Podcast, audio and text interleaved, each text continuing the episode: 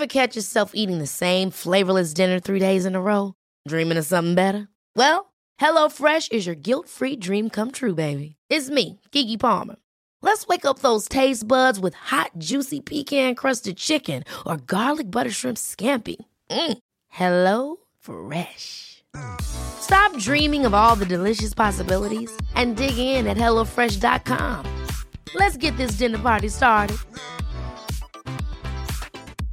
Everyone knows therapy is great for solving problems, but getting therapy has its own problems too, like finding the right therapist, fitting into their schedule, and of course, the cost. Well, BetterHelp can solve those problems.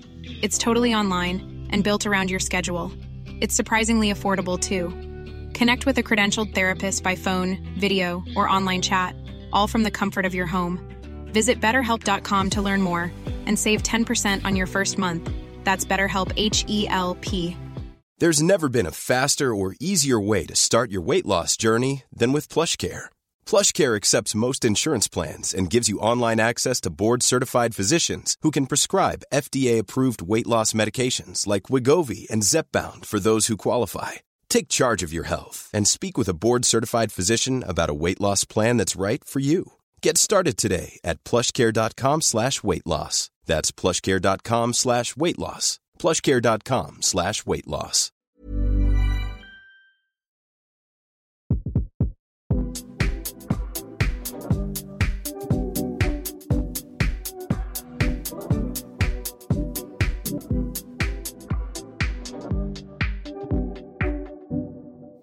Ok, Husker du sist uke, Pia, når jeg eh, fortalte deg om min nye latterkrampegreie? Ja, altså at du bare hadde full lættis hjemme på stuegulvet alene i samtlige minutter? Ja. Ja. Det har skjedd igjen. Nei, hva er what, what are you eating for breakfast? Ja, Nå er jeg on a roll med latterkrampene mine. Og det, her, det var noe som skjedde i går. Da hadde jeg vill latterkrampe i bilen etterpå. Det er jo egentlig veldig flaut. I går så ble jeg flau for første gang på veldig lenge. Oi, spennende. Ja, og det som skjedde da, var at jeg var og hadde yoga. Eh, bedriftsyoga. Det har jeg hver uke for en nydelig gjeng med arkitekter på Grünerløkka. Eh, hadde hatt en yogatime med de, og så skulle jeg på do. Satt og koste meg på do, som var et sånn bitte lite toalett. Som er på en måte så lite at hvis jeg strekker hånden frem, så tar jeg på døra. Ja. Ja, nei, så jeg satt der og koste meg, og så gikk døra opp, for jeg hadde tydeligvis glemt å låse døra. Og da var det på en måte sånn at det var ikke bare det at liksom det var en som åpna døra på gløtt, men han kom på en måte inn. En eldre Gud. herremann. Å gud, å gud. En eldre herremann, ja. Så den arkitekten tok steget inn på doen, og jeg begynte med sånn 'Å, herregud, sorry'. For det er alltid min reaksjon. Det er Ja. Uansett hva som skjer, når det er litt sånn rart som skjer, så er det at jeg roper ut 'herregud, sorry, sorry, sorry'. Jeg tror tydeligvis alt. Alt er min feil alltid. Eh, og han stakkars arkitekten lokka døra og gikk ut, og jeg måtte jo litt sånn «Å, herregud. Jeg satt der og var kjempeflau i sånn fem minutter før jeg kvinna meg opp, dro på buksa og liksom gikk gjennom lokalet og dro ut i bilen. Men da, når jeg kom ut i bilen, da kom latterkulene. Da kom lættisen. Å, Da kom herregud. latterkulene. Ja. Ja, men Det er bra du lo, da. Altså, for det var jo eh, Ja, man er relativt sårbar der man sitter på do og ja, chiller, Ja. Har, har hengitt seg til situasjonen. Ja, og det er jo én ting liksom sånn hvis det er litt langt unna, men det, er, det var så veldig sånn rett på. Det var sånn Vi så hverandre inn i øynene, hadde sterk, intens øyekontakt. Oh, nei, altså, det, det der altså, Det er en påminner om å låse døra, men da fikk du deg til gjengjeld en latterkrampe. latterkrampe. Og det tror jeg på samme måte som at vi vet at det å gråte skikkelig en gang iblant, det er veldig bra for oss. Det er masse stress relief. Altså du frigjør en haug med stresshormoner og blir veldig sånn salig og sånn etterpå. Sånn blir man jo etter en real latterkrampe også. Mm, det er nydelig. Det er noe av det beste som fins. Å kunne le enten aleine eller sammen med andre. Så det er bare å Egentlig kanskje det kan være ikke låse døra. Se hva som skjer. Ja! Jage latterkula, rett og slett. Jage latterkula. Og flausene. Jeg, jeg dreit meg ut i dag òg, faktisk. Fordi jeg har jo nå eh, bestemt meg i og med at vi skal til Australia for å ikke sette på piggdekk på sykkelen. Og så har jeg liksom tenkt at det går sikkert bra. Ja. Sykla på gym i dag. Det gikk ikke så bra. Tryna så lang jeg var. Bare rett, et sånn kjempetryn på sykkelen utafor eh, Fornebu S. Eh, og det også var flaut. Men hun hadde hjelm. Ja, hadde hjelm. Heldigvis, da. Ok! skjønner. Vi skjønner alle svaret på det. Ja. Nei, så jeg har driti meg to dager på rad, men det er jo litt gøy. Det er gøy. Du er helt på kjøret, du nå. Ja. Men herregud, Pia, dette er jo en treningspodkast, så vi må jo snakke om noe annet enn latterkramper og flauser. Hvordan har du trent denne uka her? Ja, selv om det er jo desember, så alt er lov, men nei, samtidig ikke. Eh, du, jeg har jo trent eh, relativt bra, men eh, jeg tror det var forrige episode at vi snakka om eh, hvordan desember kom til å bli travel for deg, og jeg var litt sånn ha-ha, jeg merker ikke noe forskjell. Men jeg gjør det. Det er mye som skjer. Sylvester har hatt bursdag, eh, sosiale ting. Ja, du kjenner at det er liksom mye tilleggsgreier, så treninga har ikke gått like smooth som det jeg egentlig hadde håpa inn i den tida her. Eh, jeg har fått til styrkeøktene mine, men nå har jeg justert ned til at jeg i hvert fall skal få til to gode styrke egentreningsøkter. Og den ene måtte jeg dele opp, så jeg rakk liksom bare tunge knebøy. Den ene gangen tok jeg resten dagen etter. Altså, vi er der. Vi ser løsninger framfor eh, begrensninger, da. Det er jo akkurat det jeg snakka om sist uke òg. Ja, det er faktisk det, bare at du hadde bestemt det på forhånd. Jeg var litt mer sånn ad hoc. Men det som er positivt med å dele opp, er jo at du blir mye sterkere i de ulike øvelsene ved å gjøre det på den måten. Så jeg prøver ikke liksom henge meg opp i at det er dumt. Det er heller sånn at uh, sånn er det nå, og det funker relativt greit. Ja, jeg tror alle, alle kjenner at det er en litt sånn annen periode akkurat nå, med litt ekstra mye på agendaen. Og det å få til treninga, det føles jo bedre noen gang, på en måte. Men at den ser litt annerledes ut, det må man jo bare forvente. Og det er jo også litt derfor vi har tenkt å snakke om eh, intervalltrening i denne ukas episode. Fordi det er en ekstremt tidseffektiv måte å, å trene på. Det er en eh, ja, jeg tror ikke du får noe mer tidseffektiv måte å trene på enn intervalltrening. Hvis jeg skal være Nei, altså, det, før, eh, jeg løp jo en del før og skal jo tilbake til løping, men akkurat nå er det styrketrening som har fokus. Men når jeg kombinerte det med mye styrketrening, eller med styrketrening, så var det alltid liksom en god intervalløkt i kjelleren. Det var min go to før liksom alle familieselskaper på travle dager. Fordi du bare Du får den deilige, kokte, rødkjørte følelsen i kroppen på relativt sånn null komma niks. Eh, og det går litt av seg selv, da. Bare gå på mølla og trykke på en knapp, kontra å liksom dra i gang maskineriet til en styrkeøkt. Eh, så det er helt nydelig. Og jeg tror det som skiller Clinton fra hveten nå i førjulstida, er de som klarer å holde det gående. Akseptere at det kanskje ikke blir like mye og den samme type treninga som du gjør ellers i året, men du gir ikke opp. For det er jo noen av de også som er litt sånn Nei, det blir ikke akkurat sånn som jeg liker å gjøre det, så da bare legger jeg deg på hylla til januar. Eh, og det er jo de periodetrenerne som liksom har gode resultater, legger alt på hylla, gode resultater igjen, legger det på hylla. Du veit, periode jojo-trenere. Eh, mens ja, si sånne som oss da som jobber med trening, vi har ikke noe valg. Vi holder det gående på den ene eller den andre måten. Og det gjør at man kan ha konstant fremgang, også når man er inne i perioder som vi er nå, da. Ja, 100% Og før vi stuper inn i den intervalldelen, som jeg for øvrig gleder meg veldig til å snakke om, så må jeg også dele noe fra min eh, treningsuke. For jeg har eh, Nå drikker hun Nå gølver hun nedpå fra motivasjonsflaska si. Nei, hørte du det? Jeg følte at jeg var veldig lydløs på sida her. Jeg lente Det- meg bort, jeg lente meg bort fra mikrofonen og sånn. Det der var ikke diskré. Sorry, folkens. Det er det verste som fins. Altså, du snakker også med den dama som akkurat kasta alle bursdagsgavene til sønnen sin i konteineren og dro hjem. Kom hjem, sønn spør hvor er gavene mine, og skjønner at jeg da har kasta hele røkla sammen med all søpla, så jeg måtte kjøre tilbake. Nei! Nei, Men heldigvis, det gikk jo veldig bra. Okay, Så du har nå gått fra Lerum saftflaske til en veldig fancy svart motivational bottle? Ja, fordi folkens, dere som ikke ser meg nå, det gjør dere åpenbart ikke. Jeg holder i hånda en sånn, nettopp sånn som Silje sier, en trendy sånn motivasjonsflaske hvor det er sånn klokka to, bra jobba, klokka tre, fortsett sånn. Alle har disse flaskene, føler jeg. Ja, alle har de, men de funker jo, da. Det er jo faktisk noe Det er jo en grunn til at alle går rundt med de. De funker. Ja, men jeg var litt sånn, Det er jo derfor jeg har tviholdt på Lerumen. For jeg er sånn, jeg trenger ikke noen sitater og nedtelling på klokka mi for å minne meg på, nei, på flaska mi for å minne meg på å drikke vann. Men så bestemte jeg meg for at jeg ville lage noe merch, og drikkeflasker sto fram som et godt alternativ. Og da hadde de disse trendflaskene, så jeg måtte jo teste den for å se om det er liv laga. Og det er som du sier, det funker. Altså Det, Det er en greie. det. De er sjukt gode å drikke av, og så er det bare veldig tilfredsstillende. Det er litt sånn Lerum 2.0, dette her. Så Det er jo noe med det, ikke sant? At hver gang du kommer bitte litt lenger ned på flaska, og det er sånn Keep going, almost there, keep fighting. Så er det liksom, da er det bitte bitte litt sånne eh, seiershormoner som skilles ut i hjernen. Så du blir bitte litt lykkeligere hver gang du når et nytt nivå på motivasjonsflaska. Så ja, de funker. det. Det er liksom ikke det samme når jeg ser vanngrensa kommer ned til lagd i Sogndal på Lerumflaska. Her er det full pep. Så, og jeg er jo basic bitch ganger 100, så nå et år etter alle andre så fikk jeg meg en sånn flaske, og den er godkjent. Så dette blir merch. Jeg skal sende den når den er ferdig. Ja, søren, jeg gleder meg. Jeg skal ha meg en sånn en. Det, det, det ønsker jeg meg til jul. Men det var en kjempedigresjon, for jeg var jo nå midt inne i å fortelle litt om eh, min treningsuke. Og det Ja. er én ting som jeg har lyst til å trekke fram fra, fra, fra den eh, uka, som var litt ekstra gøy. Fordi nå er det jo kun to uker til jeg reiser til Australia. Og så fant jeg plutselig ut at jeg har jo faktisk en del PT-klipp igjen. Eh, for jeg kjøpte en liten bolk PT-klipp for lenge siden. Eh, litt sånn i forbindelse med både å skulle lære meg å gå på henda og lære meg muscle up etter hvert. Og alt mulig sånn. Og så jeg er jo ikke sånn som trener med PT ukentlig eller måned, månedlig heller, for den saks skyld. Men jeg liker liksom å ha noen som sjekker innom innimellom. Så jeg oppdaga at jeg hadde noen klipp igjen, og måtte jo da liksom hastebooke meg inn eh, med han. Og det jeg sa da, var at jeg vil trene knebøy. Fordi eh, sist uke så nevnte jeg jo at jeg har hatt en liten boost, en liten god økning rett og slett, i eh, knebøytreninga mi.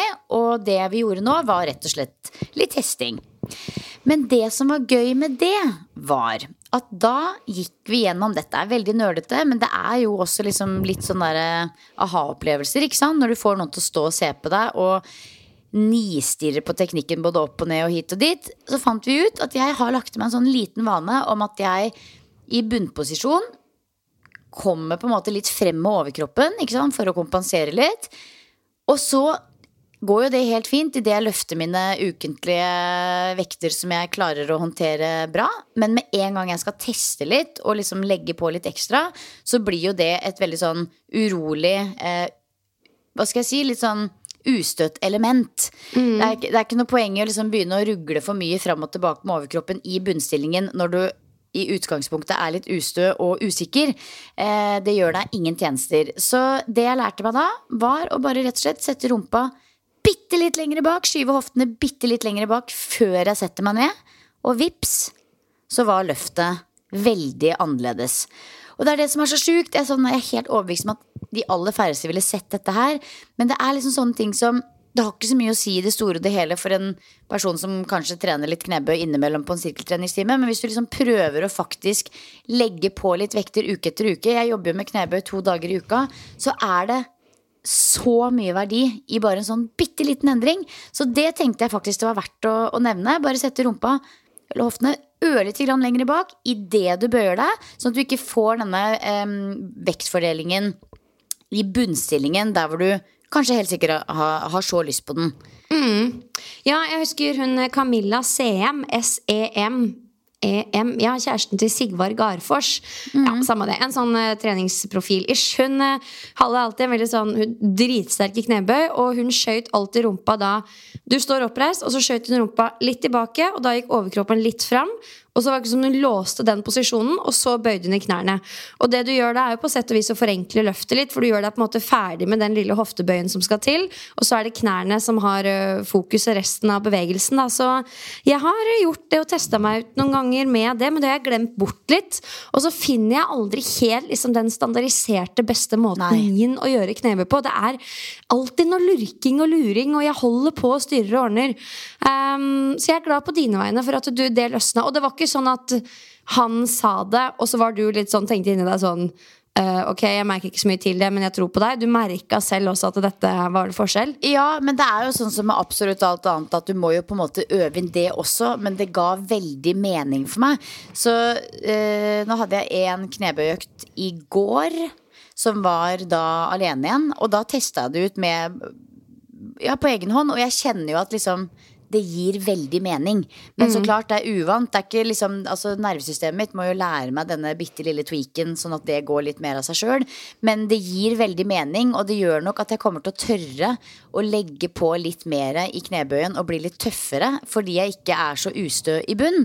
Så nei, vet du hva, det der eh, Og det, det, det, det er så digg å ha en PT eller en kompis eller en venninne eller en eller annen whatever som bare kan titte litt på deg en gang iblant. Fordi ja, man går seg litt blind på egne treningsvaner, rett og slett. Ja, ja, ja. Er du gæren? Jeg har jobba litt med knebøy til benk. Ja, nå har du noen gang gjort det?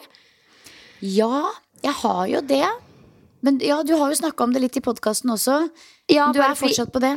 Ja, men Jeg bare kjente at jeg trengte en endring. Jeg var så lei av å ha den tunge stanga på ryggen og vite at jeg skal langt ned under 90 grader og jeg skal opp igjen. Altså Jeg bare trengte å forenkle det litt. Pluss at jeg har en sånn ulempe at jeg Og det, er, det vet jeg det er veldig mange som kan kjenne seg igjen i. Det er veldig naturlig når det blir tungt. Jeg går ned, og idet jeg skal opp, så løfter jeg rumpa en anelse, og så kommer resten av kroppen. Så jeg får en liten sånn uheldig fordeling av vekta der den lander litt fram, og så er det ryggen min som må kompensere og rette meg opp igjen, og så eh, retter jeg meg ut, da.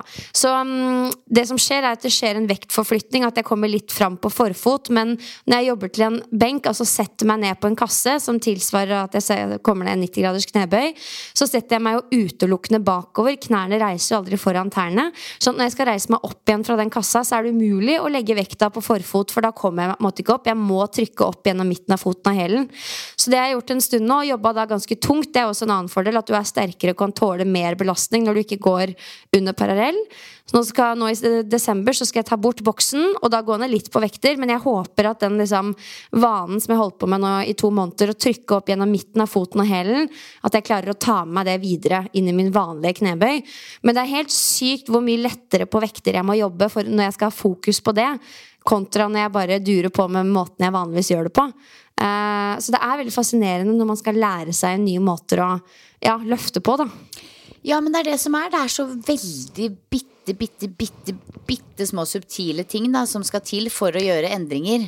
Ja, men det, det, Og de blir så gjeldende og så viktige og så store når det er snakk om så tunge vekter. Og vi løfter jo enormt tungt, Silje.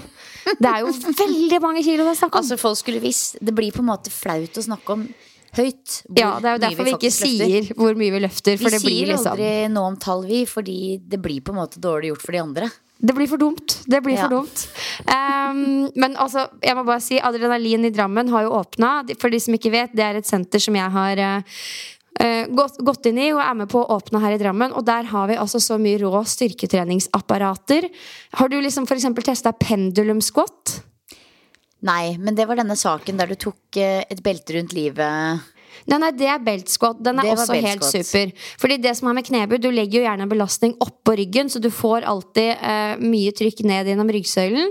Med en belt squat så fester du på en måte et belte rundt hoftene, og så står du på et høyt platå, og så reiser vekta ned. Skjønner du? Gjør det ikke vondt i hofta? Nei, for det beltet er liksom tilrettelagt sånn at det, det går bra, og så holder du deg et sånt håndtak foran det. Men, men, så det er beltskotten, men pendulumskott, det er sånn hvor du har to puter oppe på skuldrene, og så um, og så har, står du på en litt sånn skrå plate, sånn at du kommer bare så sykt jo. Ja, Ja, ja. Du kommer så sykt dypt, og det bare er så god følelse. Og det er bare sånn det er så deilig å gå inn i så gode styrketreningsapparater og slippe å kåle med den stanga og bare kjenne at jobben blir litt gjort for en, hvis du skjønner. Ja, ja, det så jeg, tror- jeg tror jeg går inn i en apparat-era nå, også fordi det er en del av jobben min. Altså sånn, men ja, jeg tror jeg Ja. går den veien. Nei, men altså, apparater, det er jo absolutt Altså, ja takk, begge deler. Både trening med frivekter og trening med apparater. Og jeg har jo vært på besøk hos Adrenalin, jeg. Og herre min gud, altså. Det er sånn du kommer inn i lokalet, og det lukter Sier hun som nesten ikke spiser noe kjøtt. Deilig lær. Det lukter lær. Ja. Deilig lukter dyrehud. Det, luk- det lukter Fersk dyrehed dyrehud. over hele linja. Men altså, jo da. Men det lukter jo så nytt og fresht, og er jo nytt og fresht. Altså, det er jo et sånn helt sånn Du kommer inn, og der er du bare inne i et sånt gigantisk rom med helt sånne olja, freshe, dritfreshe apparater. Og så har du jo denne adrenalinriggen i bunn, og det var jo stort sett der vi tilbrakte mye tid, for jeg hadde med meg disse barna som nekta å forlate åstedet. De, vi var jo der i sånn tre eller fire timer. De fikk jo ikke nok. Så når vi kommer hjem fra tur, da, da blir det vår nye helgehangout. Ja, det var veldig koselig. Og det er jo grunnen til at vi velger å kalle det et aktivitetssenter og ikke bare et treningssenter. Og vi ønsker jo at man skal kunne ta med seg kidsa, de leker i riggen. Og man gjør selvfølgelig det som foreldre òg, men man skal kunne, gå og ta seg en løpeøkt eller trene på apparatene samtidig. Og at man kan liksom være aktiv som en familie eh, inne på senteret, da. Er jo det vi strekker oss mot. Men nå Ja. har vi åpna dørene, og nå har jobben starta med å få folk til å forstå konseptet. For det merker vi at det er noe nytt. Eh, og det må jobbes inn litt. Men eh, det er en spennende prosess å være med på. Og for min personlige styrketreningsreise så er dette helt toppers. Det er jo en som heter intet annet enn Muskelprofessoren på Instagram, som har laget og bestilt alle disse apparatene, som har stilt i både det ene og det andre innen bodybuilding. Og, og det er jo den reisen jeg også tenker å gå. Jeg skal jo også stille på et eller annet tidspunkt. Ja, ja men det, altså det Jeg tror ingen hadde blitt direkte overraska hvis det hadde skjedd. Nei, men da kan jeg bare fortelle dere at det kommer ikke til å skje. Dette er meg som driver du skal aldri si aldri. Jeg kan heller ikke si at jeg aldri skal stille i fitness, selv om det er høyst usannsynlig. You never know. Kanskje det blir 40-årskrisa mi? Å, herregud, ja. ja. Vi nærmer oss jo 40-årskrisa. Altså, Ja, alt altså, kan jeg- skje. Alt kan skje. Men uansett, ja. Nå har dere åpna. Vi var jo der litt før åpning. Og vi var jo starstruck eh, alle tre. Fordi hvem sto der når vi kom inn? Jo, det var jo selveste Magnus Midtbø. Som vi selvfølgelig heia veldig på i 'Mesternes mester'. Og barna fikk en sånn liten introduksjon i en sånn der vill rampe som du skulle løpe opp, opp etter veggen på. De var jo så starstruck. Ja, det var så gøy. av han. Ja, ja, vi fikk en liten introduksjon. Da var ikke du der, tror jeg. Men, eh, men det er jo veldig sånn Det er et kult gym. Det er et litt sånn røft gym. Det er ikke noe sånn der eh, rosa dullegym. Det er liksom Det er litt sånn maskulint preg. Eh, men det er skikkelig, skikkelig kult. Og jeg Ja, nei, vi, vi følte oss eh, veldig godt ivaretatt når vi var der. Vi følte Ja. oss som noen eh, very important people som var på, på VIP-besøk før åpning. Ja, men det er dere. Magnus Midtbø han er sånn, det er jo han som er eh, altså, en veldig god klatrer og har vært med på både det ene og det andre. Han er sånn Sånn type kjendis sånn if you know, you know. Ja. Hvis du ikke vet, så vet du ikke. Men hvis du vet, da oh, ja. vet du. Og vi Mm. visste. Det var ingen Dere tvil om at vi visste. Vi klarte var, å oppføre oss. Vi klarte å oppføre oss. Vi ble ikke for kleine, eller? Nei, nei, nei, nei, nei. Altså, jeg, jeg var jo ikke der omtrent, men uh, jeg har jo sett både det ene og det andre. Veldig mange vet jo ikke hvem han er, og veldig mange vet godt hvem han er. Han har jo en dritsvær YouTube-konto. Jeg visste jo ikke det før jeg begynte å jobbe litt med han. Nei, altså jeg har jo sett han mye i gangene på Myrens, for det er jo Han, han ja. er jo klatrer, og vi har jo også klatre... Altså Myrens eh, klatre, klatresenter, holdt jeg på å si, i, eh, under samme tak som Myrens treningssenter, så jeg har jo sett han mye før, og han er jo liksom veldig sånn kjent lenge før Mesternes mester, og så visste jeg jo godt hvem han var. Det var han fyren som klarer å ta pullups med én finger. Med én finger. Det er jo det han er kjent for. Eh, for veldig, veldig mange. Så er jo han Det er han fyren som kan ta pullups med én finger. Det. That's the guy. Så Det kanskje så det skal bli målet for 2024? Ja, altså jeg, jeg føler jeg kan gå alle veier nå. Jeg kan bodybuilding, jeg kan bli en hinderløper, jeg kan bli en sånn calisthenics-type, nå Ja. som driver og henger rundt her. Det, altså, du aner ikke hva som venter deg når du kommer hjem fra Australia. Det er Åh, bare sånn herlighet. ninja som hopper fra vegg til vegg. Sånn Spiderman som klarer alt. Eller kanskje bli løper? Det kan jeg også bli, ja, men det skal jeg jo bli på et eller annet tidspunkt. Ja, Jeg skal, jeg skal bli så mangt. Ja, vet du hva? Kanskje denne episoden kommer til å inspirere noen til å i hvert fall, om ikke virkelig liksom dra på med løping akkurat nå midt på vinteren, men holde løpinga ved like. Ja.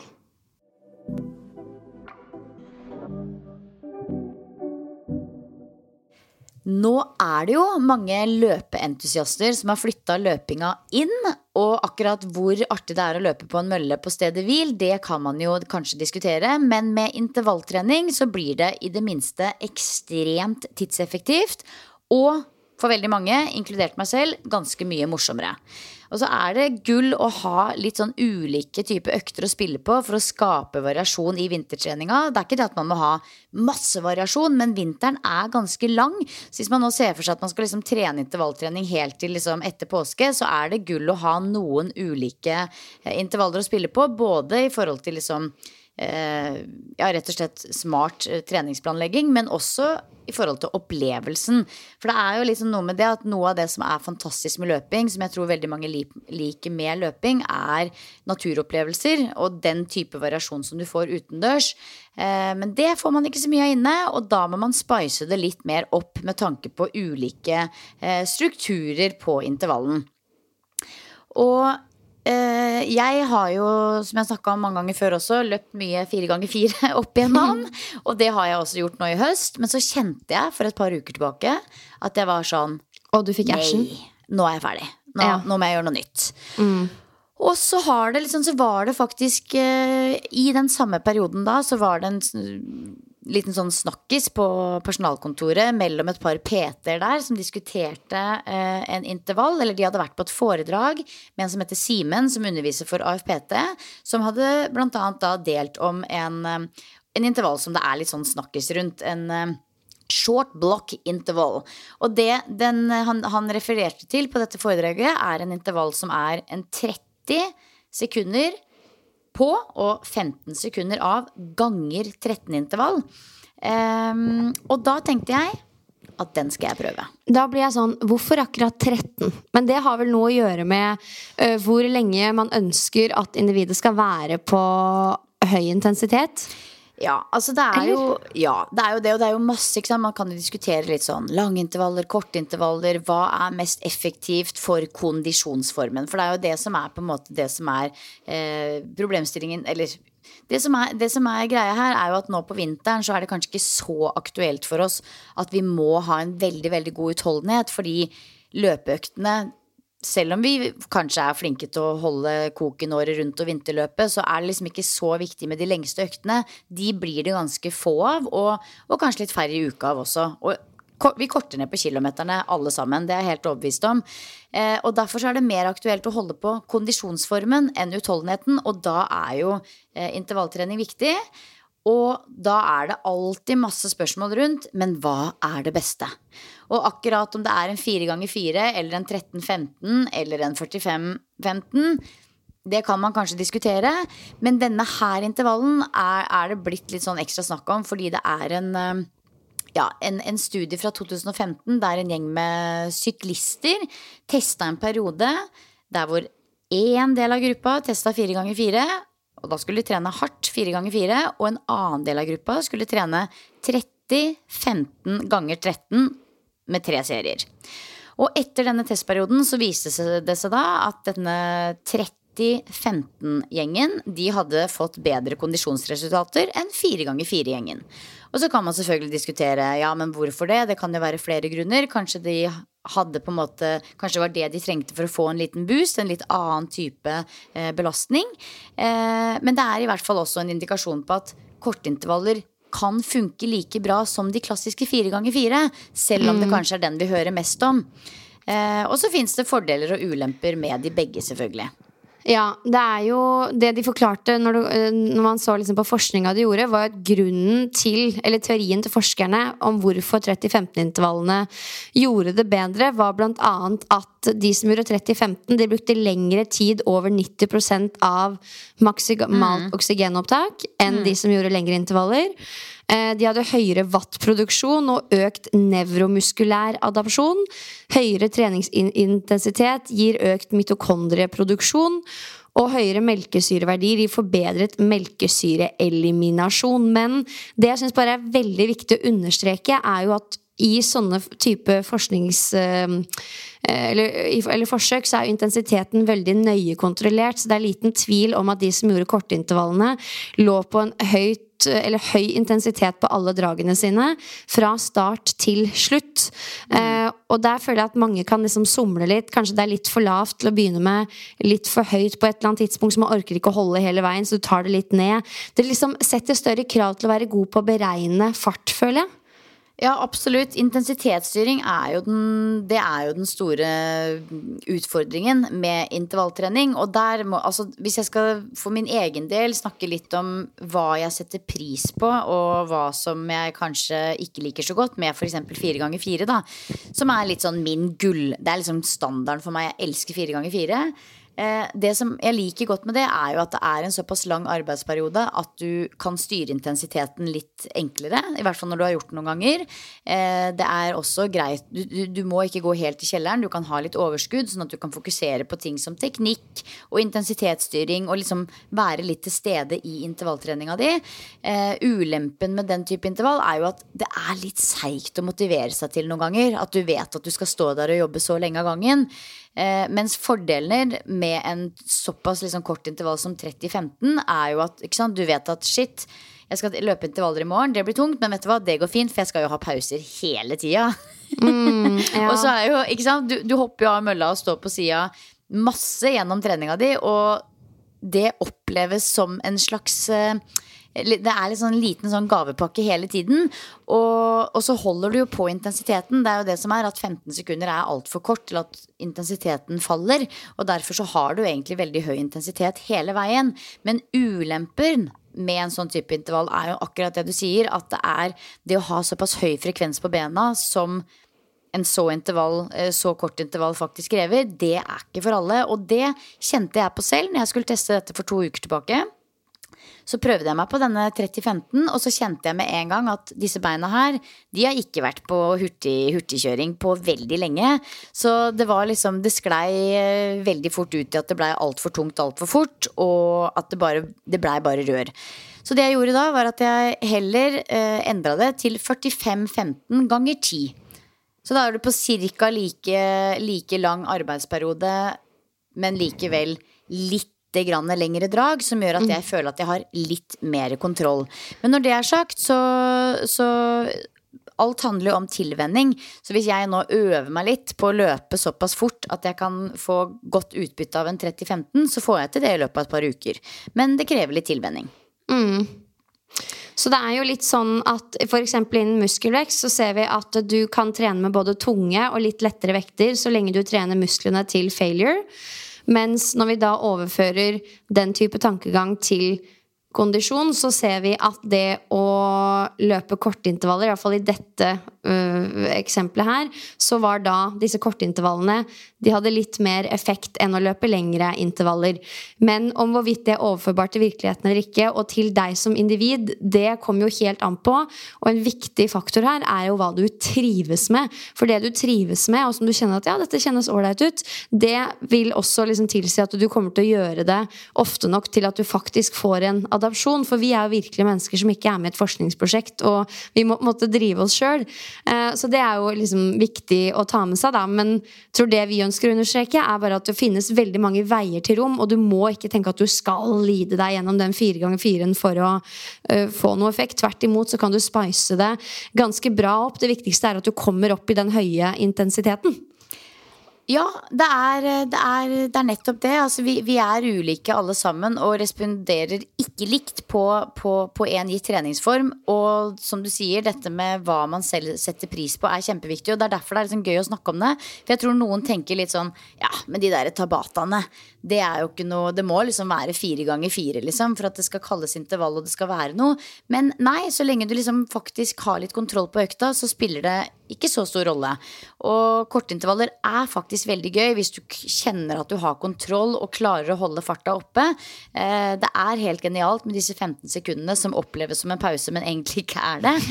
Og, og jeg tenker at eh, sånn som meg nå, da, som har løpt fire ganger fire inne på mølle i en hva blir det da, september, oktober, november, tre måneder. Kjempefint med et bytte. Nå trenger jeg det.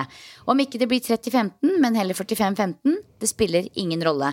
Men jeg var faktisk på en intervall i dag, og det var litt gøy. Da var jeg på løpeteamet.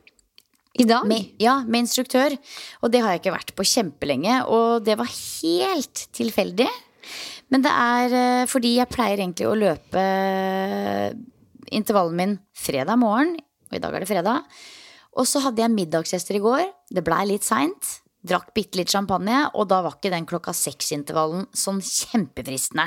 Nei. Nei. Så derfor så utsatte jeg den til litt eh, lenger ut på dagen. Og da kom jeg på gymmet, og da skulle det være løpetime.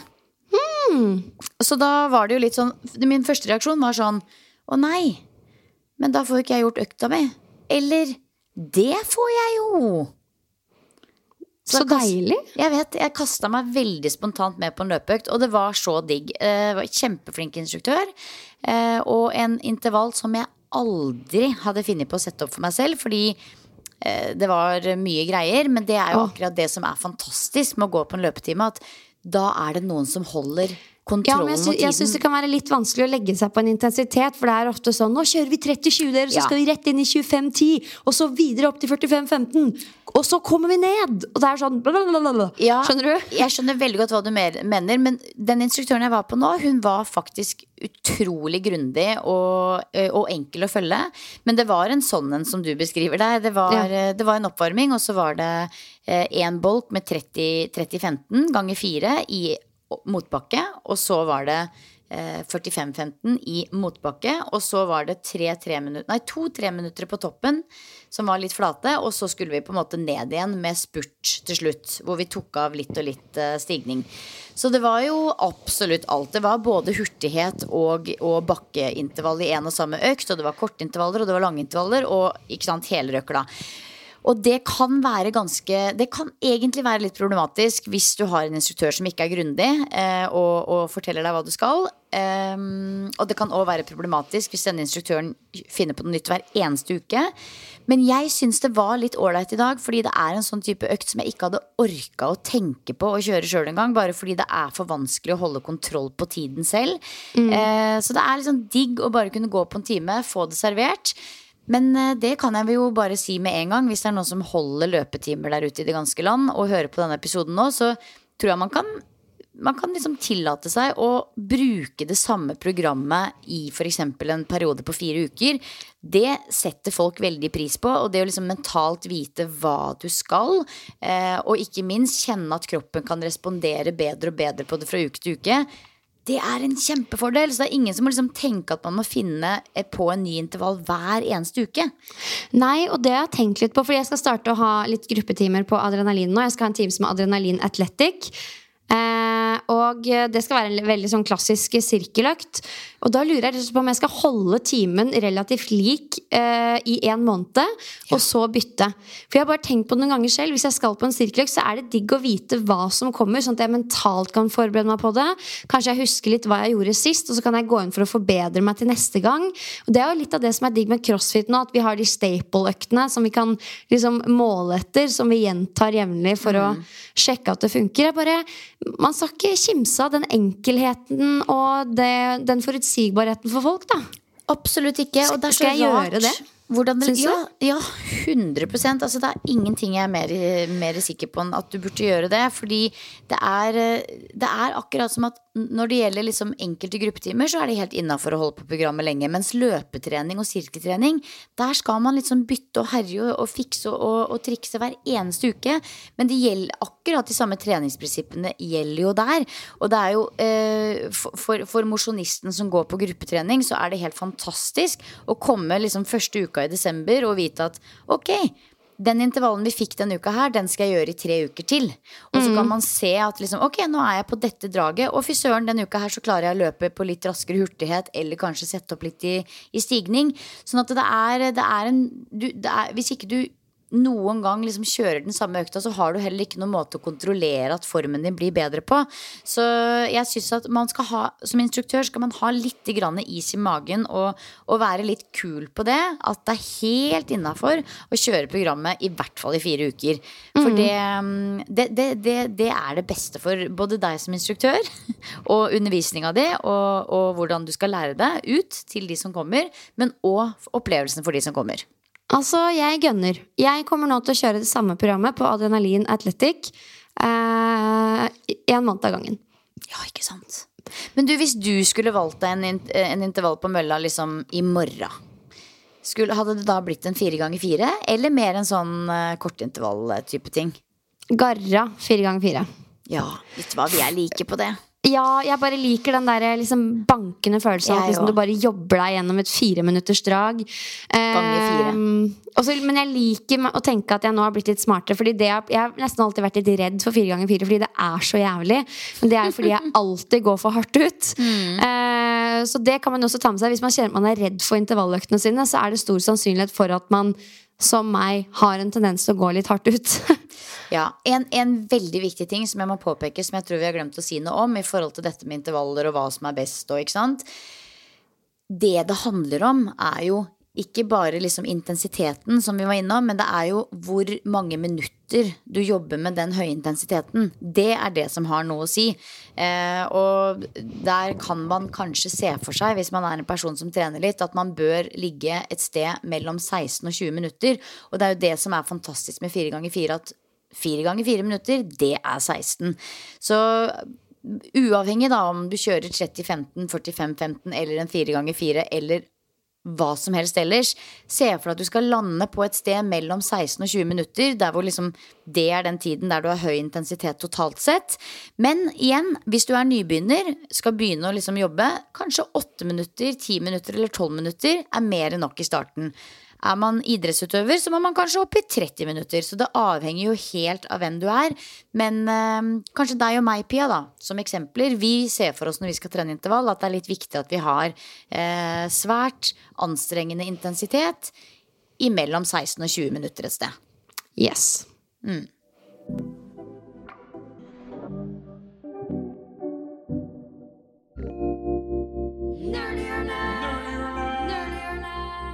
Like the nerds we are. Nydelig. Da skal vi hoppe videre til nerdehjørnet, and I will do the honors. Eh, jeg har lyst til å snakke litt om tempo ved styrketrening, og hvordan et rolig tempo på veien ned, altså, den, altså på vei ned i en knebøy, altså i den eksentriske fasen f.eks., ikke nødvendigvis er bedre for um, muskelvekst enn et mer sånn normalt tempo.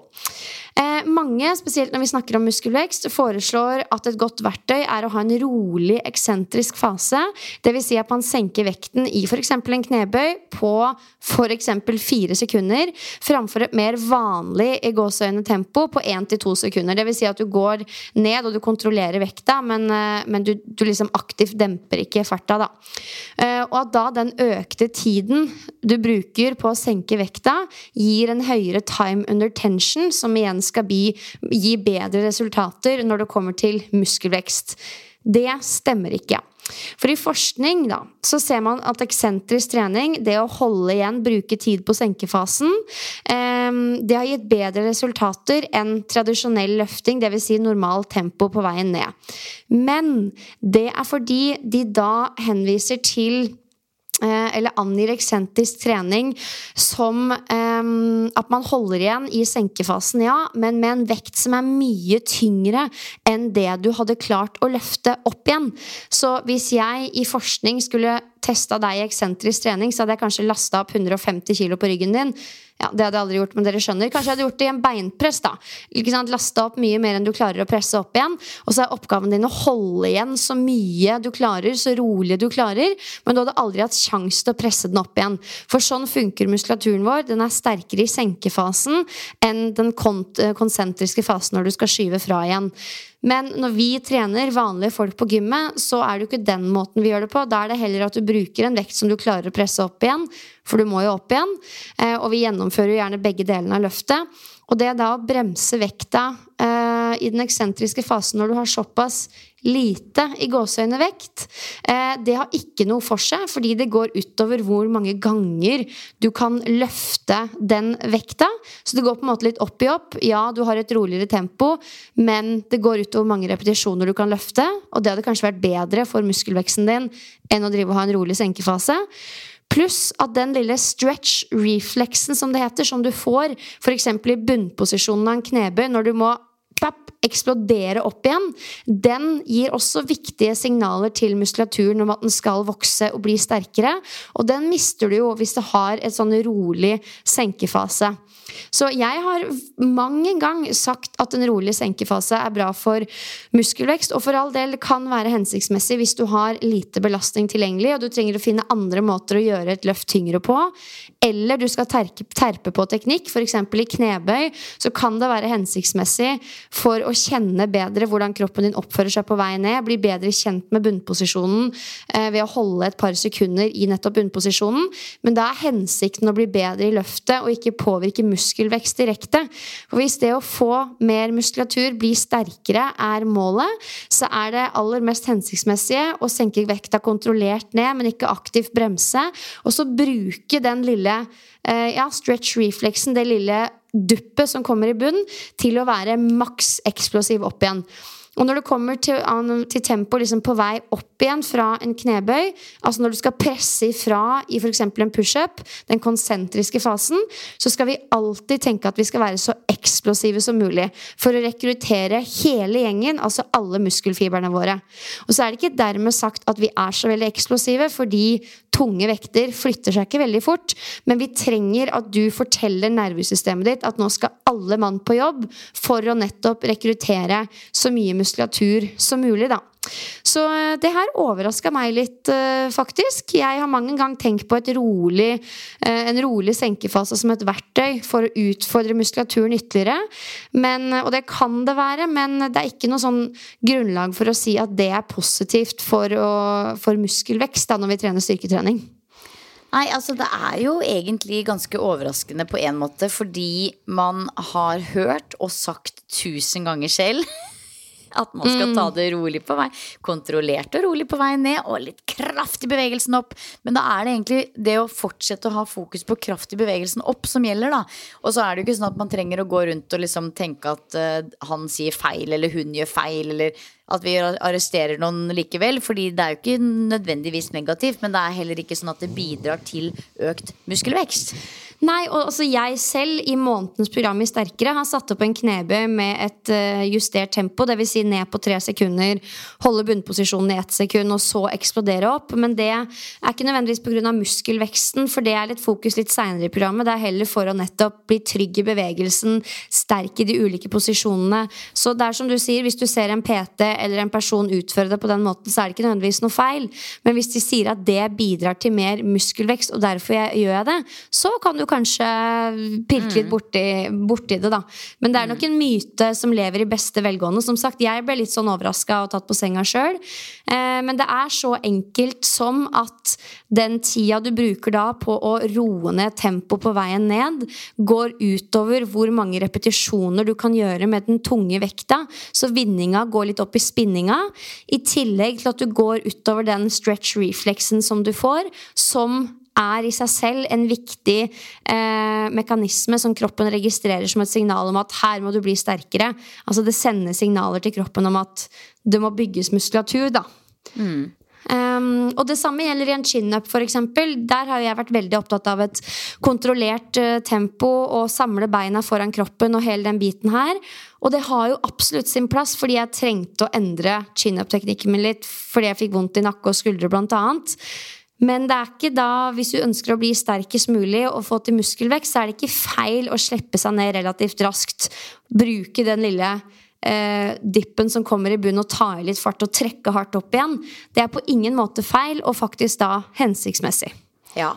Ja, altså Akkurat når det gjelder knebøy, så kan jeg ikke huske at jeg egentlig på noe som helst tidspunkt har jobba eksentrisk eller rolig på veien ned, da, som man sier. Eller negativ, negative, som det også kalles. Men akkurat i pullup så er jo det en mye mer sånn klassisk måte å gjøre det på. Eller pushups, for den saks skyld. Akkurat, men akkurat i pushups så syns jeg jo der, der, der er det jo også veldig, Der er det liksom Jeg føler at det er eh, litt mening i å si at man skal senke seg kontrollert ned, fordi man så ofte ser folk som bare slipper seg veldig ukontrollert ned. Men det igjen handler jo ikke nødvendigvis om fokuset på muskelvekst. Det handler jo mer om kontroll i bevegelsen. Lære seg bevegelsene. Og det er en veldig viktig altså Du skal alltid kjenne at det er muskulaturen som bærer deg gjennom senkefasen. Så det skal vi fortsette med. Det vi peker på her, er liksom at ja, nå teller vi, og så bruker du fem sekunder på vei ned i denne pushupen. Eh, det er ikke noe vits i hvis du har tilgang på tyngre vekter. Men hvis du trener hjemme og trenger et verktøy for å gjøre bevegelsen tyngre, så kan vi bruke den teknikken. Men eh, hvis du har litt tunge vekter, så er det enda mer hensiktsmessig å liksom slippe seg kontrollert ned, og så pow! Eksplodere opp igjen. Skyve fra alt du har. Og jeg, jeg tror at veldig mange av oss jenter, spesielt i Altså Vi er opptatt av kontroll i bevegelsene våre. Eh, litt for mye, kanskje. Fordi det går litt utover vår evne til å være eksplosive og virkelig trøkke til når det trengs. Da. Det kan jeg kjenne igjen i meg sjøl òg. Um, men så er det en treningssak å trene med tunge vekter. ikke sant? Så du skal jo i en innledende fase jobbe med kontroll, lære deg å kontrollere belastninga. Så det er mange gråsoner her. Jeg bare syns det var et interessant eh, poeng, og dermed passende til nerdehjørnet. Altså Det passa perfekt i nerdehjørnet. Jeg føler okay. at jeg også blir opplyst annenhver uke. Jeg elsker det. Ja, det gjør vi begge. Motivational drinking.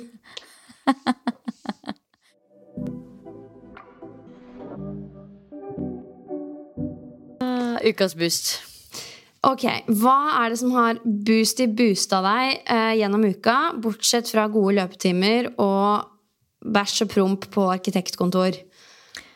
Jo, nei, vet du hva. Jeg må si noe som eh, Det er ganske mye som har boosta meg denne uka her. Men en ting som har vært veldig hyggelig, sånn i, eh, for treningspoden i hvert fall, er at det har jo nå nylig, sånn som det er hvert år i slutten av året, så eh, publiserer Spotify, ikke sant.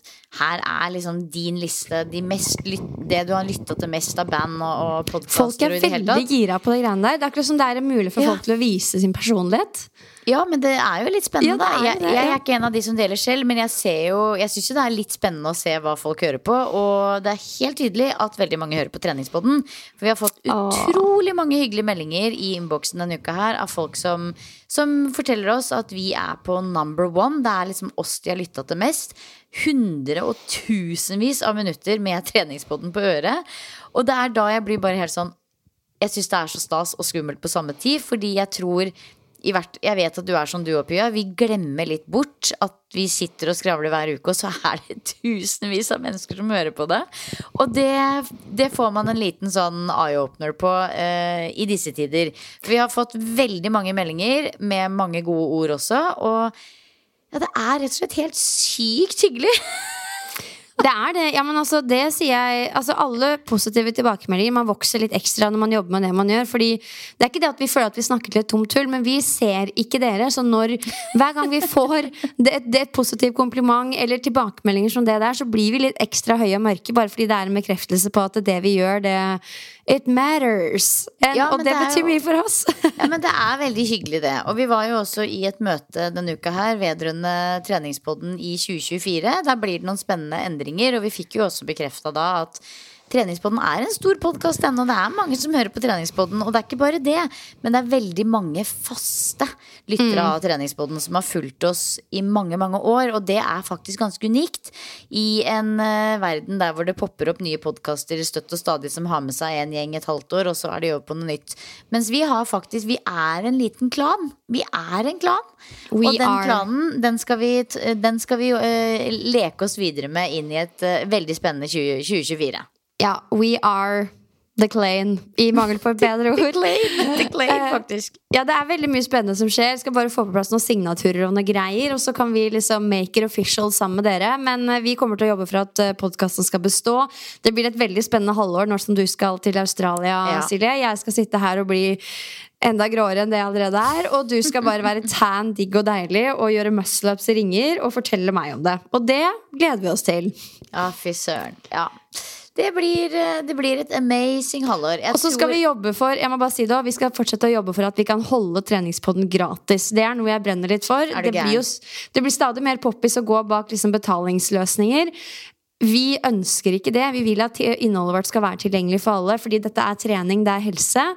Så vi håper og jobber også for å få på plass gode sponsorer, sånn at vi kan få til det, da.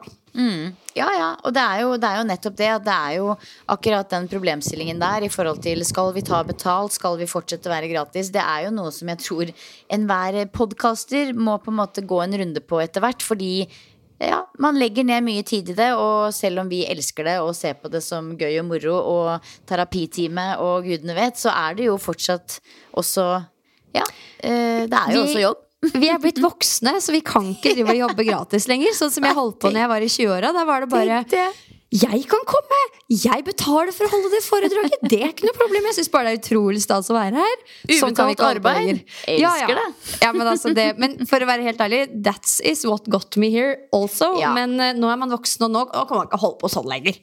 Nei, men uh, vet du hva? Vi, vi koser oss altså så veldig med Treningsbåten, og det har vært kjempehyggelig å få disse meldingene i innboksen denne uka her. 100% Det er, eh, det er gøy å se, og det, det er også litt sånn Det er litt sånn godt å vite at uh, ja, det er mange som hører på, men det er også mange faste. Det er liksom gjengen, og, og at uh, det vi snakker om og deler her, det har en betydning for enkelte der ute, da. Det er, uh, det er gøy. Enig. Så det var en skikkelig boost. Spotify. Det var en boost for meg òg. Nå blir jeg glad. Og du kan jo bare gjette da hvilket band som jeg har hørt mest på i 2023. Rufus du Sol. Yes. Det er korrekt. Hva med deg?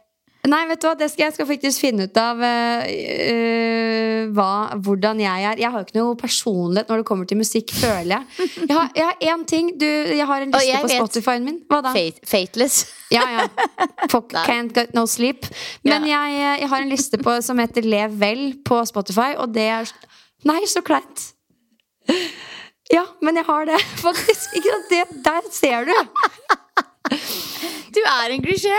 Jeg er, ja, men jeg er tidenes klisjé, og det, ikke sant? det er derfor det har fulgt meg for alltid. Ok, folkens, nå ble dette her ganske rart for dere. Jeg, ok, nå, nå tar jeg det fra begynnelsen av. Ukas Ja. boost for meg er at jeg har tatt meg en tattis. Det har jeg gjort, og jeg har sett den i levende livet tidligere i uka, og den var dritfin. Ja, ja altså, og det her skulle jo være en surprise, men Silje spotta det uh, før jeg kunne surprise med det live i poden. Men uh, dette er en tattis som jeg liksom Hver gang jeg er ute på reise og føler at jeg er veldig sånn in tune with myself, eller når jeg er hjemme og gjør noe jeg brenner for, så bare kjenner jeg sånn Jeg vet ikke hvor det kommer fra, men jeg bare kjente sånn sterkt behov for å brenne den følelsen inn i kroppen med en tatovering. Og er det noe som har fulgt meg hele livet, så er det dette her noe så klisjéfylt som å skrive 'lev vel' i et kryss. Alltid i kladdebøkene mine, arbeidsbøkene da jeg var liten. Altså alltid 'lev vel, lev vel, lev vel'. lev vel. Så da gikk jo jeg, altså booka meg time mandag klokka 11, gågata i Drammen, for å ta meg en tattis. Sto der og elsker det. tenkte fram og tilbake. Skal jeg gjøre det? De så så rart på meg, de jentene. De har jo tattiser på hele kroppen og er sånn er jo bare å ta den, da. Men eh, ja, så jeg tok den, og nå ser du den igjen, Silje. Det er jo en klassisk lev vel. Veldig sånn tynn, tynn, På tynn og fin. Er det lov å si? På håndleddet. Men jeg var sånn, jeg ville jo egentlig ha den under klokkereima, for det er sånn, jeg har ikke tatt den fordi at eh, andre skal se den og tenke at den er kul. Jeg har tatt den for å stå og holde et foredrag, og så se ned på den og bare være sånn Yeah! Jeg lever I'm, vel. I'm doing it. Ja, men jeg er så glad på dine vegne, Pia. Nå har du gjort det. Du fikk ut fingeren. Og for dere, for dere som ikke vet, Pia snakka om det her lenge. Lenge når jeg sendte til Sølve hadde jeg tatt den, så han bare sånn Gratulerer med dagen, det tok bare ti år. Ja. Nå er det gjort, og nå kommer det til å balle på seg. Det kan jeg bare si med en gang. Ja, det sa de på den sjappa. Bare sånn 'Dette blir ikke din første.' Og jeg bare sånn Nei, siste. Og jeg bare sånn Jo, det blir min siste. Eller jeg har én til som jeg har lyst på. Ikke sant. Der har vi den allerede. Men det var er det noe med som var eh, lættis med den. Det var jo helt random at da den spillelista mi heter jo også Lev vel, fordi det er bare It's my thing. Når noe får meg til å føle meg bra, så tenker jeg sånn Ah, nå lever jeg vel. Nå Det er helse, det er verdiene mine, det er familie, det er It's everything. Ja, Men er du ikke enig også at det å gå og ta en tatovering, det gir en slags sånn derre Det gir et kick og en boost. Jo, det var, en, det var jo et kick og en boost, men det var også for meg sånn Jeg har tenkt så lenge på det at det var nesten sånn Dette var godt å få gjort. Og så Ja. føles det Jeg føler at alle som har en tatovering, de bare alle vet jo at jeg jobber for å være mer og mer meg sjæl. Det skal være så meg sjæl at det går ikke an. Og det er liksom en sånn Det er et statement ut til omverdenen av hvem man er og sin egen personlighet. Jeg tenker at Alle som har tattis, ønsker å kommunisere et eller annet på en eller annen måte. Om så til seg selv eller til andre rundt seg. Man er litt sånn ekstra bold da, hvis man har det. Ja, så jeg tenker i hvert fall at det, det er det trenger ikke nødvendigvis å være en kommunikasjon utover, tror jeg, men en, kanskje mer noe man gjør for seg sjøl innimellom. Ja. Eh, egentlig. Det er eh, Men at du tør å vise det også eh, også utenfor deg selv. For det er jo et behov for å liksom, Jeg ønsker å ha dette på utsiden også, men det er jo som du sier, for min del så er det ikke sånn at jeg har denne her fordi alle folk skal stoppe meg på gata og bare sånn Åh, fet tattis! Men eh, jeg Nei, vet ikke, jeg ikke det. skjønner ikke helt hvor behovet har kommet fra. Jeg ser ned på den, så er jeg sånn Ja ja. Den, er. Hva, hva syns kjæresten? Nei, altså, jeg turte jo ikke å si det til han med en gang. Eh, han syntes den var fin. Han syntes det var veldig artig at jeg liksom bare hadde gått aleine i lunsjen og tatt meg en tatovering. Eh, Det han syntes- jeg. Han syntes det var kult. Og når Det han nå blir sinna på meg, eller, så kan jeg bare rekke opp hånda og si sånn Lev vel, da, Simen. Lev vel. Lev vel. Å, det elsker jeg. Altså Første gang jeg tok tatovering, da satte jeg meg på toget fra Skien til Tønsberg med falsk ID. Ja, ikke sant. Og tok tatovering. Og det var sånn, det også skjulte jeg jo godt. Måtte jo gå med lange sokker, for den var på ankelen. Gikk med lange sokker hele sommeren, så ikke foreldrene mine skulle se det. Det, men hva, hvor, altså, du bare hadde så jæklig lyst på en jeg tatovering? Liksom? så, ja, sammen med na navlepiercing, alt mulig sånn. Det var sånn, Jeg bare måtte gjøre det. Ja, du var sånn så rebell, du. Jeg, måtte bare, jeg fikk det over meg, og da bare måtte jeg gjøre det. Da var det Da satt- ingen da eller noe jeg, som kunne eh, stoppe meg. Da satt jeg hjemme og skrev 'Lev vel' i topp skoledagboka mi. på en måte Og spiste ostepop. Spiste mengder med ostepop. Men er Vi har hatt litt si, forskjellig ungdomstid, det har vi hatt. kort oppsummering, da, hvor mange tattiser har du, og hva er det? Kan du, kan du fortelle oss? Eh, ja, det var denne første som jeg da tok da jeg var 17, med falsk legg. Det er en gekko på ankelen. Og så har jeg en sånn derre Men hva er historien? Hadde du, altså Gekko var Nei, det sto mellom gekko eller skilpadde. Veldig random. Ja. Veldig random. Aner ikke hvorfor, men det er Glad i sånn- dyr. Det er et skikkelig klisjé-tatovering, det også, men jeg er veldig glad i den. Mm. den bærer jeg med stolthet. Og så har jeg en annen raring som er litt sånn nedafor trusekanten, som var litt mer sånn jeg er på heisatur til eh, California. Eh, så det var bare sånn virkelig yolo. Det var sånn, der er det en tatoveringsstudio, jeg popper innom der og tar et hjerte Å, det på tissen. Ja. Og så har vi jo den som på en måte er da den største jeg har på underarmen, som heller ikke syns sånn kjempegodt, selv om det er den største jeg har. Men den var veldig nøye planlagt. Så det var sånn jeg gikk i mange år, kanskje rundt åtte, ti år, og visste at liksom jeg ville ha et, eh, et, eh, et, et bilde på kroppen som symboliserte Østens mystikk, som har betydd veldig veldig mye for meg, og som har forma meg veldig. Eh, Men den har jo du alltid tidlig hatt så lenge jeg har kjent deg. Ja, den har jeg hatt- i sikkert 12-13 år. Men, Men du var jo ikke yogainstruktør og sånn da, men da hadde du vært mye ute og reist og bare likte på en måte det den ja, altså, den, ja, altså Østen og India har alltid vært veldig, veldig, veldig viktig for meg. Kanskje Lenge du før jeg er- begynte å Kanskje du er der fra, fra tidligere liv? Kanskje. Hvem vet? Ja! ja, men ikke sant, Så da, den var nøye Ja, altså, gjennomtenkt. altså, den var veldig nøye gjennomtenkt. Så det var sånn, jeg hadde bestemt meg på forhånd superlenge at jeg skulle liksom ha en sånn tatovering. Men akkurat hvem som, altså, hvem som skulle ta den, og akkurat hvor den skulle så, se ut, det var jeg ikke sikker på. Men så bestemte jeg meg for da Jimmy Duval, som er en kjempeflink tatoverer i Oslo. Og han var jo veldig lei av meg på slutten der, fordi jeg blei jo på en måte aldri fornøyd med de skissene han lagde. Jeg kom opp i studio og forklarte hva jeg ville ha. Han blei litt mer irritert, lagde en ny, men til slutt så var jeg fornøyd og tok den. Og da var jeg også ikke helt fornøyd. Den madalaen jeg har rundt, har jeg jo også tatt etterpå. Men til slutt så satt den, og nå elsker jeg den. Det er sånn vil, det, den er, det er akkurat den tatoveringa jeg skulle ha. Men det var en lang prosess. Det var som å liksom føde Det var en lang fødsel. Men det er sånn, hvorfor var det altså, Alle de tingene betyr jo like mye for deg selv om du ikke har det på armen. Hvorfor måtte du ha det på armen? Nei, det er et godt spørsmål. Det er jo det er et veldig godt spørsmål. Det er jo ingen som ser det. Men jeg kan sitte her liksom sånn på sommeren, så kan jeg sitte og se jo, Det er jo masse masse symbolikk i den tatoveringa. Alt mulig. Masse symbolikk som er veldig sånn meningsfylt for meg. Og det er jo ingen egentlig som jeg tror noen gang har sett noe særlig på den. og vet hva jeg snakker om. Bortsett fra meg. Men jeg koser meg veldig med den. Ja, det er bare, altså Uten sammenligning for øvrig, for våre er jo veldig forskjellige. Men det er, jeg klarer ikke å bli klok på hvorfor jeg bare hadde så behov for å ha den. Men det bare, jeg har fått litt ro inni meg nå som jeg har det på armen. Nå har du blitt rebell. Ja, Nå er jeg så rebell. Nå er det innom tattis- tattisjappa hver mandag eh, hele året. Hver mandag hele året. Men jeg elsker tatoveringa di. De. den er bare så innmari deg. Og Ja, den er veldig meg. Jeg føler at det er nesten sånn tegneseriefigur Nei, det er, jeg, elsker fargene, elsker tatoveringa. El, elsker den. Elsker den. ja, den er veldig, veldig, veldig, veldig, veldig, veldig, fin. Oi, oi, oi. Det blei litt skravling i dag òg. Det gjorde det. Det var veldig hyggelig. Eh, noe fornuftig var det. Ja, det var mye fornuftig. Og så var det litt sånn skravlig som både det ene og det andre. Ja, I morgen så skal jeg prøve å få med meg mannen på en treningsøkt. Vi vet jo alle åssen det kommer til å gå. Vi kommer til å trene sammen i to minutter, og så går vi hvert til vårt. Men vi skal på trening sammen. Det gleder Ja. jeg meg til. Det var akkurat det som skjedde med meg og mannen nå. Men uh, tanken er god, og det er uansett hyggelig å bare eksistere i samme treningsområde. Ja da, da går vi rundt og nikker litt til hverandre. Du vet sånn når du liksom kaster hodet litt sånn bakover og hever litt på øyebryna, da er vi der. Halla, halla, halla. Ja, ja. Nei, men Det blir bra. Takk for en nydelig poddings. Og dere som lytter, ha en fantastisk uke. Nyt at det er desember. Eh, det varer ikke så lenge, så det gjelder å sette pris på det nå. Fordi januar og hele det kjøret der, det kommer tidsnok, tro du meg. Å ja, nå må dere nyte alt det hyggelige som kommer deres vei, og prøve å selvfølgelig beholde gode rutiner som booster dere underveis. Og husk, det er ikke noe som heter alt eller ingenting mentalitet, for det er bare tull og tøys. Ja.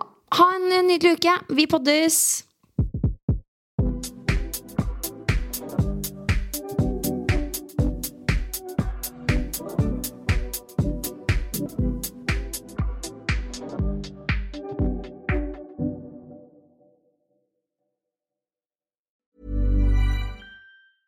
Ever catch yourself eating the same flavorless dinner three days in a row?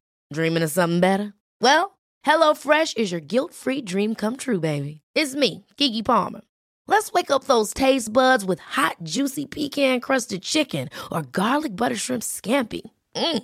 Hello Fresh. Stop dreaming of all the delicious possibilities and dig in at HelloFresh.com. Let's get this dinner party started. Mom deserves the best, and there's no better place to shop for Mother's Day than Whole Foods Market. They're your destination for unbeatable savings, from premium gifts to show-stopping flowers and irresistible desserts. Start by saving 33% with Prime on all body care and candles. Then get a 15-stem bunch of tulips for just $9.99 each with Prime. Round out Mom's menu with festive rosé, irresistible berry chantilly cake, and more special treats. Come celebrate Mother's Day at Whole Foods Market. Planning for your next trip? Elevate your travel style with Quince. Quince has all the jet setting essentials you'll want for your next getaway, like European linen, premium luggage options, buttery soft Italian leather bags, and so much more. And is all priced at 50 to 80% less than similar brands. Plus, Quince only works with factories that use safe and ethical manufacturing practices. Pack your bags with high-quality essentials you'll be wearing for vacations to come with Quince. Go to quince.com slash pack for free shipping and 365-day returns. This message comes from BOF sponsor eBay. You'll know real when you get it. It'll say eBay Authenticity Guarantee. And you'll feel it. Maybe it's a head turning handbag, a watch that says it all, jewelry that makes you look like the gem, or sneakers and streetwear so fresh every step feels fly. eBay gets it. So look for the blue check mark next to that thing you love and be confident that every inch, stitch, sole, and logo is checked by experts. With eBay Authenticity Guarantee, you can trust that feeling of real is always in reach. Ensure your next purchase is the real deal. Visit eBay.com for terms.